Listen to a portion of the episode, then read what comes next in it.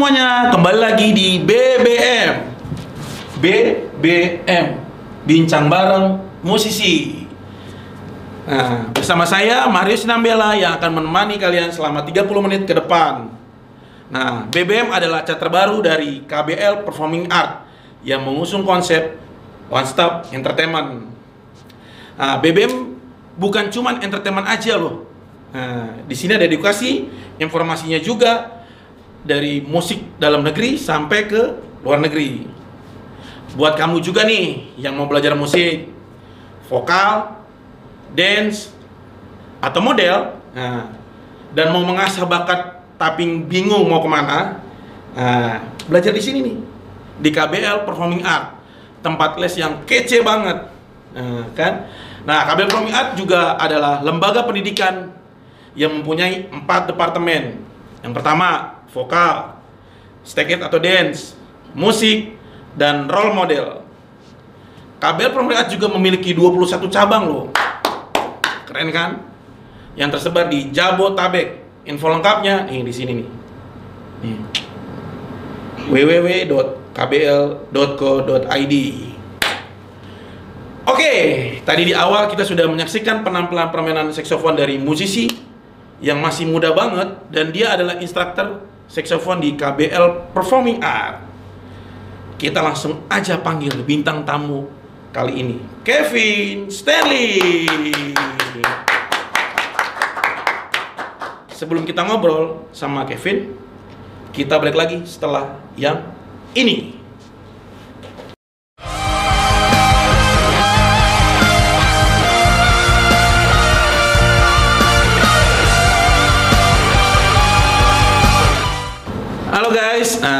Di samping saya udah ada nih Kevin Stanley. Tepuk.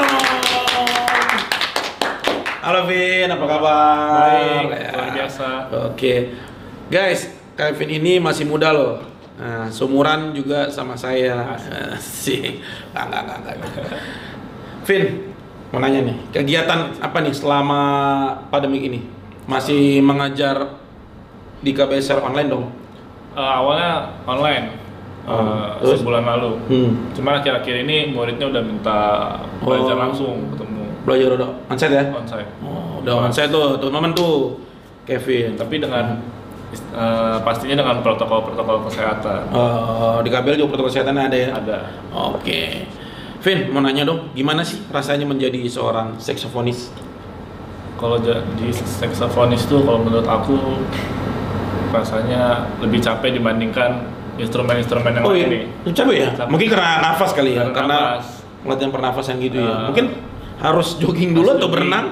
Jogging, lari, berenang. Oh, gitu. Tuh tuh. Pokoknya yang Saxophone itu harus nafasnya harus kuat ya. Harus kuat. Harus kuat ya. Oke, Vin. Nah, suka duka menjadi saksofonis. Nah, kalau sukanya pasti yakin banyak dong cewek-cewek yang minta nama IG kan, ya Enggak, sih? enggak, enggak. Ada yang gitu Vin?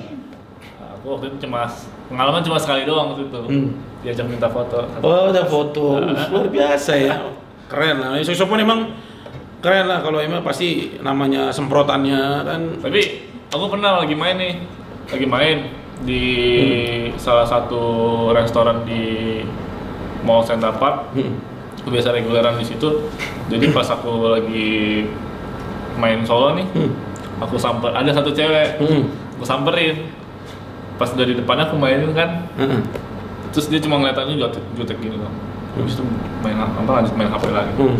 Jadi aku dikacangin. Oh, itu dukanya kali. Dukanya. Dukanya. Tuh. Namanya musisi itu ada suka dukanya, guys. Gitu. Nah, mau nanya lagi nih. Saxophone itu identik dengan musik jazz. Bener ya? Enggak, enggak. Enggak ya? Sebenarnya saxophone itu masuk ke semua genre sih. Mulai dari rock juga bisa masuk. Bisa Aku masuk ya? Aku pernah lihat ada saxophone, Blues gitu mungkin. Blues juga masuk. Pop. Ada saxophone Pop ini. main ini masuk di musik rock. Oh, ada ya? Ada, juga. Ada juga. Jadi nggak nggak semua nggak cuma identik dengan jazz doang. Oh, enggak ya? Oh, tuh guys. Jadi musik saxophone itu eh, alat musik saxophone nggak identik dengan musik jazz aja. Jadi all genre itu bisa gitu. Bahkan di bahkan DJ pun ada yang collab dengan saxophone. Oh, ada ya? Kalau Oh, suka- iya. Oh, iya, pernah, pernah, pernah, pernah. Suka yang ke bar-bar. Iya, yang ke pub ya. Oke, Vin, eh, kalau main saxophone tuh biasanya genre musiknya apa sih? Yang lo mainin genrenya biasanya? Kalau- aku tergantung di saat lagi main bareng bandnya itu sih. Hmm. Heeh. Jadi- Kadang ada yang pop, ada yang ngeblues. Oh. Jadi Gitu ya. tergan- dan tergantung lagu juga yang kita bawain. Terus tergantung siapa yang bawa Siapa ya. yang bawa, ya. Oh, nah ngomong-ngomong soal band nih, guys, eh, Kevin tergabung dengan banyak band loh. Coba sebutin dong band apa aja sih yang pernah gabung? Mungkin Eh, kalau untuk bisa biar temen-temen tahu. eh, band tetap itu cuma satu, ada namanya That's Right. Oh, That's Right. Itu genrenya apa? Itu genrenya top 40 kita kita bawain lagu-lagu top 40 top, Top 40. reguler. Oh, reguler. Cuman kalau sisanya kayak seperti slap sound eh apa lagi ya? Dan beberapa band Dan beberapa band lah. Hmm, banyak ya. Memang saxophone sih pasti banyak dicari ya karena Nah, itu biasanya aku edisional. oh additional. Oh, Band-band wedding juga edisional. Beberapa ini. oh gitu. Nah, Vin, pengalaman Kevin nih bermain dengan dalam sebuah band tuh gimana? Pengalaman, pengalaman. Pengalaman kalau aku di Deseret pengalaman ada pengalaman pahit tuh. Apa? Jadi aku pernah main salah Hmm. terus basisnya langsung nengok Hmm. pokoknya langsung ngomelin aku lah di pas lagi main itu Hmm. nah itu langsung rasanya tuh kayak Terpukul gitu. ya? terpukul Terpukul ya. terpukul terpukul Emang salah di bagian part tersebut atau memang Kevin ngeblank saat itu? ngeblank sih waktu itu Oh, karena bisa ngeblank juga sih ya? Karena nggak ngulik sih Oh, nggak ngulik. nah tuh teman-teman biasain ngulik kalau lagi kita main sama band ataupun acara pun kita harus ngulik. Nah, Vin, Kevin juga tergabung dalam band namanya katak.id musisi pengiring teater. Nah, susah nggak mengiring teater tuh? Tantangannya ada juga. nah sebenarnya aku mau lurusin uh, kata ID itu bukan band jadi tuh kata ID itu dia Apa itu perkumpulan teater Jadi kayak dia apa tuh? dari UMN Oh, maksudnya itu seperti apa sih biar teman-teman tahu nih jadi teater kayak tuh gimana sih? Kayak kuartet kayak gitu loh nggak? Bukan.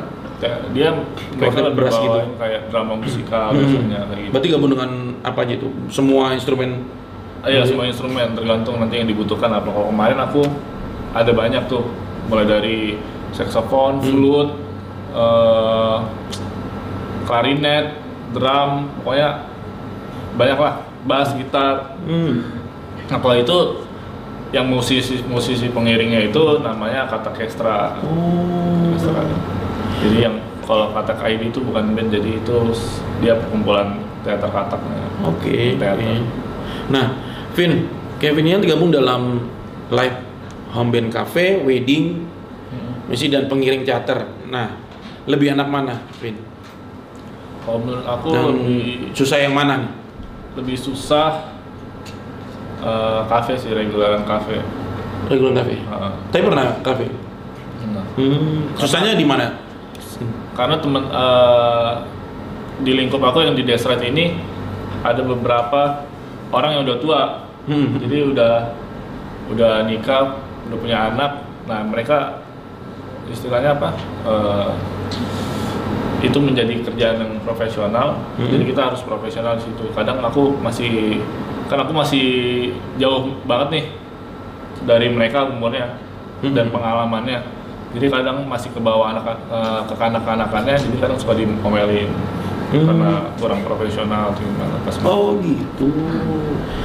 Nah guys, Kevin ini pernah mengiringi artis juga loh. Mau tahu nggak artis luar atau lokal?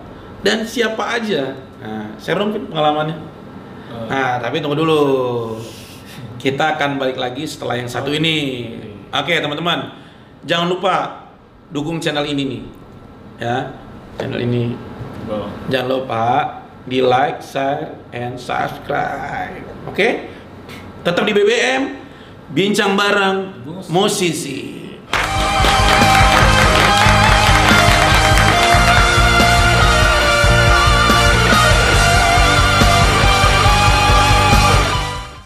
Oke, kembali lagi di BBM, bincang bareng musisi.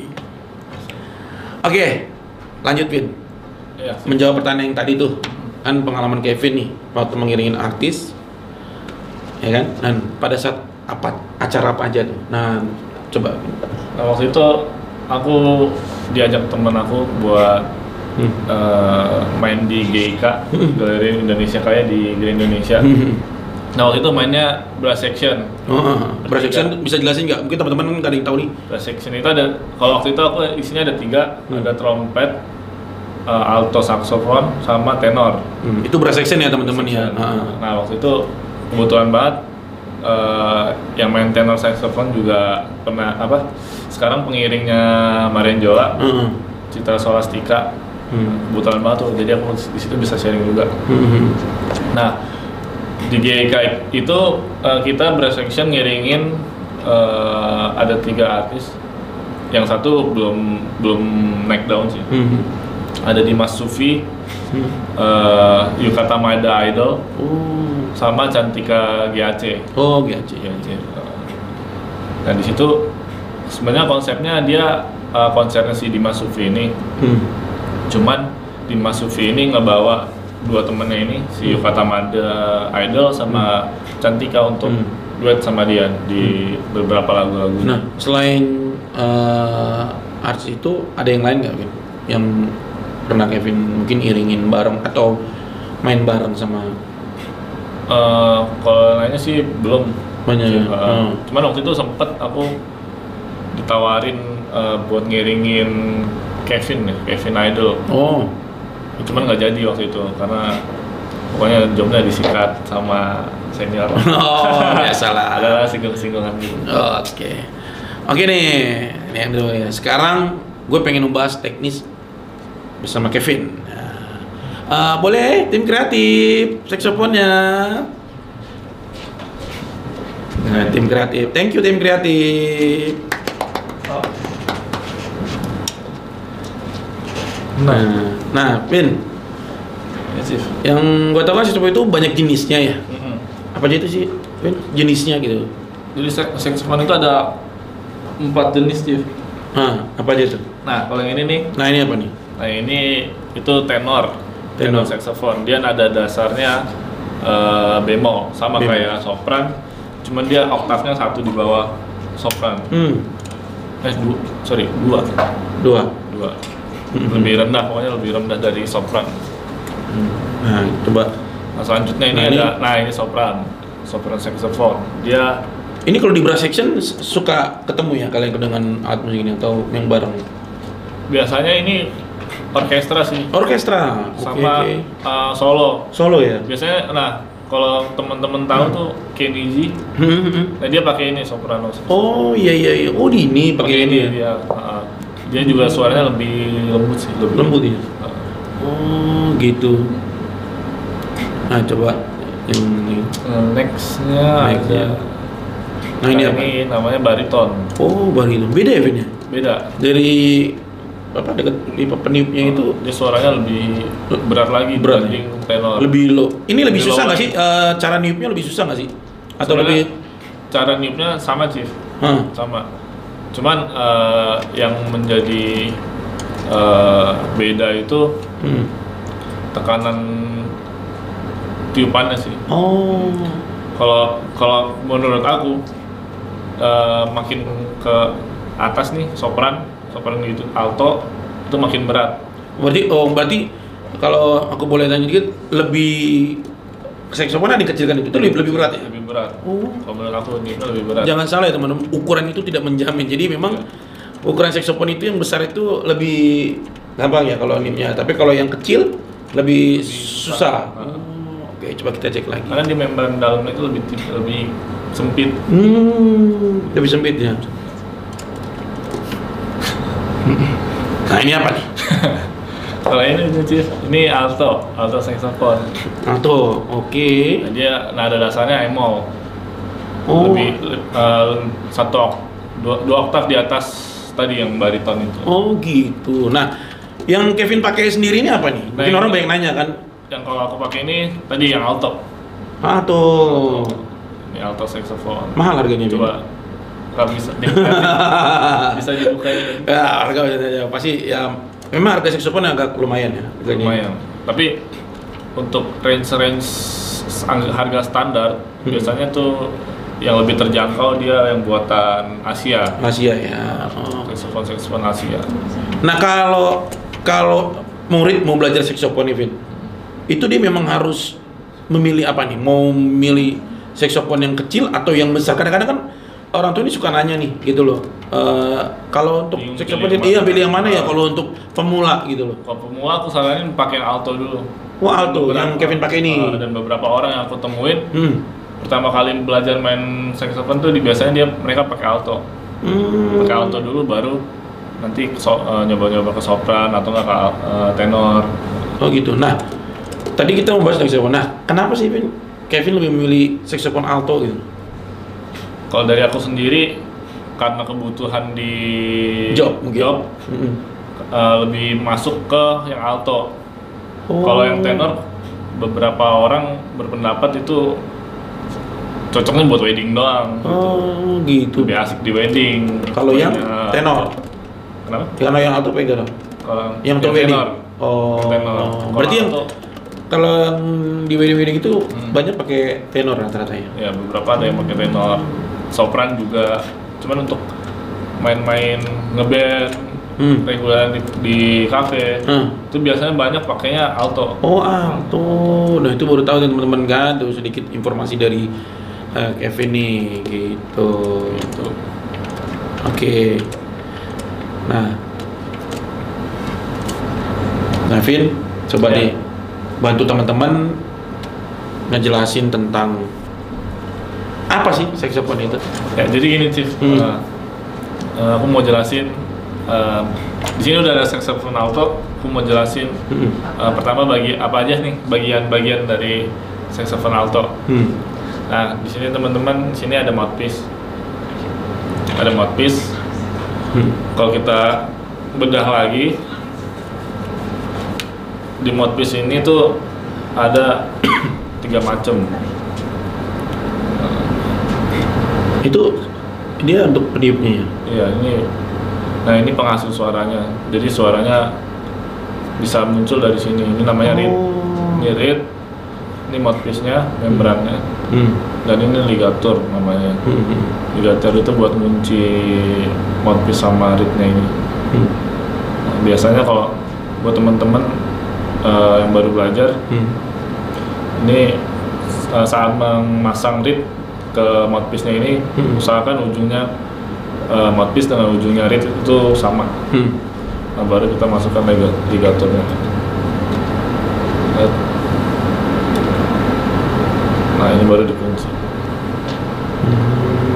Nah, untuk mouthpiece-nya, teman-teman.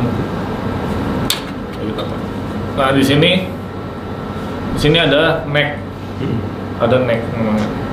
Nah, ini di sini ada eh, pengunci necknya. Hmm. Itu pengunci untuk supaya dia mungkin nggak supaya eh, jadi kan kalau kita kendorin dia bisa di Oh. lebih gampang dilepas oke oke. supaya nggak ke mana-mana. Hmm. Nah di sini ada keysnya Hmm. eh, atau enggak eh, biasa dibilang abalon. Hmm. Ada abalonnya, ini abalon. Ini ini side key, Hmm. ini key lever Mhm. sebelah sini. Ini ada bell, Hmm. bellnya. Ini ada key guardnya. Hmm. Nah, di, eh, di sini ada oktav. Oktav, Itu oktav ya. oktav. Tuh, Banyak ya berarti di banyak. Hmm. Nah, kemudian di sini ada untuk penyanggah jempolnya Mhm. atau key finger button Hmm. Namanya. Eh, mungkin segitu aja kali ya. Oh itu ya. Nah, yang inti-intinya. Nah, eh, kemudian aku mau ngasih tahu gimana cara eh, niup saxophone atau biasanya dibilang teknik emboss-nya, embouchure. Nah, buat teman-teman eh, untuk teknik embouchure-nya ini jadi gigi atas dia menempel di sini. Nempel di atas ini dan eh, bibir bawah itu menempel di eh, reed-nya. Nah, eh, usahain teman-teman saat meniup itu semuanya tertutup, Hmm. jangan ada sampai udara yang eh, Keluar dari keluar samping dari atau- samping-sampingnya. oh. gitu. Jadi contohnya seperti ini. Nah, kalau, kalau bisa menempel aja teman-teman, Hmm. jangan diimut. Nah, gitu nempel ya. Coba. Oke, next. Nah, ini mungkin Nah, ini penjelasan di dalam penjelasan di dalam mulutnya. Mulutnya. Pas apa namanya nih? sama mouthpiece-nya. Iya. Itu pas masuk ke Pas masuk ke mulut. Oke, oke. Nah itu kan di depan itu ada, nah di Heeh. di atas itu giginya kan nancep di Emang di gigit gitu ya? Iya di Oh. Digigit. Nah yang bibir bawahnya ini dia nempel aja gitu. Oke, next. Oke, next. Next. Nah, Nah ini fingering chartnya ya. mm-mm. Yang tadi sini ada pankis. Hmm. Nah ini abal-abalnya. Ini eh, di belakang sini ada oktav, oktav key-nya. Octave key itu untuk Oktav key untuk eh, Kalau nada tinggi atau? nada tinggi. Oh, gitu. Kalau di piano dia sisi kanannya. Iya, iya, iya, iya. Dan di sini ada side keys. Side keys itu apa? Side keys itu eh, biasanya aku makainya buat grace note-nya. Hmm. Grace note, nah, Grace note itu apa nih? Mungkin kan eh, grace note itu apa ya? Semacam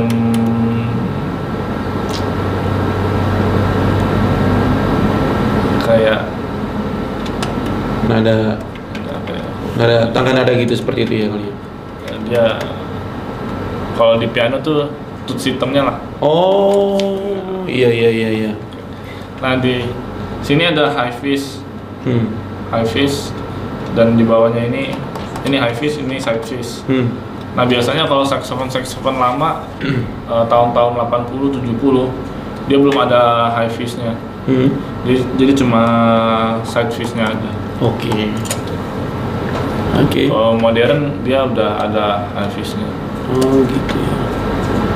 Next, Nah, ini mungkin ini scale C major, C major. C majornya ya.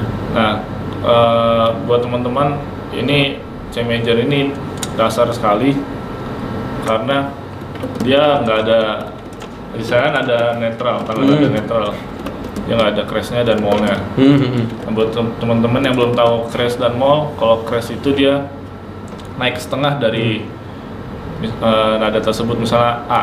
Ah, jadi Acres. akres. Crash berarti A naik setengah. Kalau A mall, eh, A turun setengah. Oke. Nah sekarang aku mau ngasih tunjuk posisi jari atau fingering chartnya untuk eh, Nada C. Nada C, C Hmm. major. Nah, eh, boleh dimunculkan ini chartnya biar aku kasih ini. Nah yang itu yang pertama Itu C ya. ini C, Jadi hanya satu itu doang hanya satu ini Oke. aja. Cuman dia nggak pakai oktav. Oh, Oke. Nah, yang kedua itu ada D. Nah itu udah mulai pakai oktav nih. Itu kalau itu pencet semua tuh. Pencet semua. Hmm.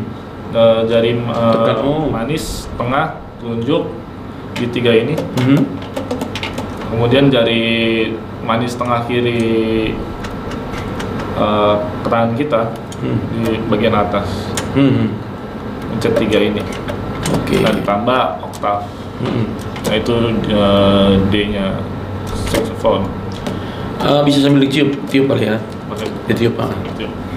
Kayak C nih, C coba C. C.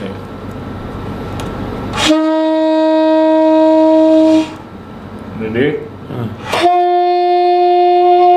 Oke. E. Nah itu kalau E itu tadi eh, kan kalau situ kelihatannya ada yang lepas satu ya. ada lepas satu. Oke. Gampangnya kalau ini Hmm. istilahnya mirip recorder lah, Hmm, hmm, hmm, hmm. lepas lepas satu. Nah kalau F tuh gimana coba? Nah kalau F ini dia Tang, coba jari tangannya. tengah dan jari manis itu dilepas. lepas. Ah. Seperti apa gimana coba? Bunyinya seperti ini.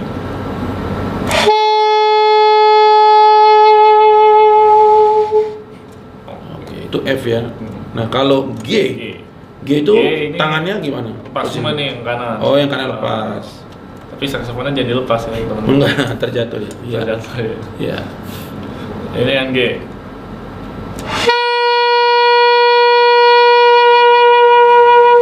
Oke. Nah, itu A. Tentunya ada A, A itu lepas satu dari manisnya. Hmm. Seperti ini. Jadi dua jari aja pencet ya. Dua jari aja. ha. Coba di.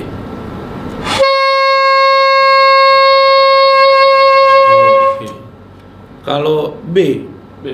B. B itu berarti tangannya. Sisa tunjuk dengan oktav. Nah. Oh, oktav tetap tetap Tetap ya. dipencet. Oke, gimana? Kalau teman-teman bisa lihat di skala itu mulai dari C rendah itu dia belum mencet, belum ada oktavnya. Iya, iya, iya. Ha. Mulai ke atas itu udah pakai oktav dia. Hmm. Yang B Coba B ya. B-nya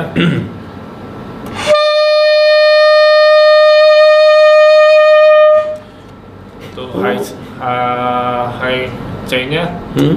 balik lagi kayak tadi Hmm. yang awal cuman tadi awal nggak pakai oktav Oktav. Ini pencet kita oktav. pencet oktav nih.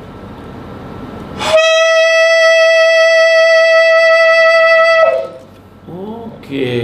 Berarti memang tekanan udaranya harus stabil juga ya? harus stabil juga Karena kan kalau misalnya tiupannya dia nggak nggak stabil pasti akan nadanya akan sedikit goyang ya. iya benar dan eh, nanti tergantung biasanya bibir kita seperti apa terbiasanya Hmm. karena itu kalau menurut aku mesti dicari juga tuh ada Oh. penempatan penempatannya setiap ini Oh gitu.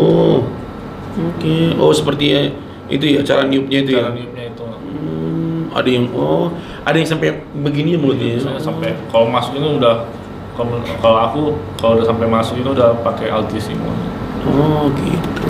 Oke oke. nah habis itu chief eh, nada C-nya saxophone itu berbeda dengan eh, nada C-nya piano atau instrumen lainnya karena saxophone ini dia itu naik satu setengah satu setengah berarti eh, do-nya saxophone eh C-nya sorry sorry C-nya saxophone Hmm. berarti sama dengan S-nya Oh. emolnya piano Hmm. Jadi kita kalau misalkan main sama band nah kita mesti hitung lagi tuh Hmm. gimana Kayak Oh, main di C gitu. di- kalau di C piano biasanya saxophone A A, Hmm. A, A saxophone Oke oke Kevin. Wah luar biasa Kevin ya menjelaskan tentang detailnya. Semoga buat teman-teman ini bermanfaat nih karena memang saxophone ini apa memang banyak ya ternyata ya. Aku juga baru tahu ternyata tempat-tempatan jari dan segala macam itu banyak. Hmm, gitu ya. Buat teman-teman nih yang mau belajar saxophone nih langsung deh kalian daftar di KBL Performing Art terdekat di tempat kalian nih. Kita punya 21 cabang loh Kevin. Mana Nah, jadi itu banyak dia ada di, tersebar di Jabotabek. Nah, teman-teman tuh bisa tuh nanti di websitenya nah, bisa cek eh, tempat-tempat eh, cabang KB Performing Art di mana pun teman-teman teman-teman terdekat ah, di tempat teman-teman Nah, semuanya. dan Chief, kalau menurut aku dari video yang tadi Hmm. kita jangan buat teman-teman yang mau daftar saxophone jangan langsung nyerah karena Hmm. banyak keysnya cuman masuk aja dulu kita pelajarin bareng Iya tuh berarti saxophone itu nggak susah loh guys. Jadi teman-teman bisa langsung ketemu dulu nih dengan Kak Kevin nih gitu ya. Kan Kevin juga teman-teman banyak juga nih. Udah mungkin ya dia udah lang-lang buana lah belajar saksofonnya gitu. Jadi teman-teman bisa sharing juga, bisa trial dulu dengan Kak Kevin boleh ya kan apalagi langsung daftar gitu bisa langsung belajar gitu jadi nggak susah kok musik itu nggak ada yang susah kalau kita mau belajar gitu Oke, sampai juga kita di segmen akhir acara ini. Terima kasih teman-teman yang sudah menyaksikan BBM Bincang Bareng Musisi dari awal hingga akhir. Thank you juga nih, Ben. Thank you ya. Sukses terus buat karirnya dan semuanya. Oke. Tadi bintang tamu Kevin nih, Stanley udah kasih sharing pengalamannya dan juga sudah kasih pelajaran singkat tentang saxophone nih, saxophone ya. Oke, teman-teman jangan lupa untuk di subscribe channel di bawah ini nih. Nih, bukti nih. Bukti kalau kalian mendukung acara BBM. Jangan lupa kasih komennya juga ya. Nih, komennya. Jangan yang pedas-pedas ya Ah, jangan pedas kata Kevin tuh. Oke semuanya, kita tampilkan saja pelan-pelan dari Kevin Stanley Aritona. Oke, sampai jumpa.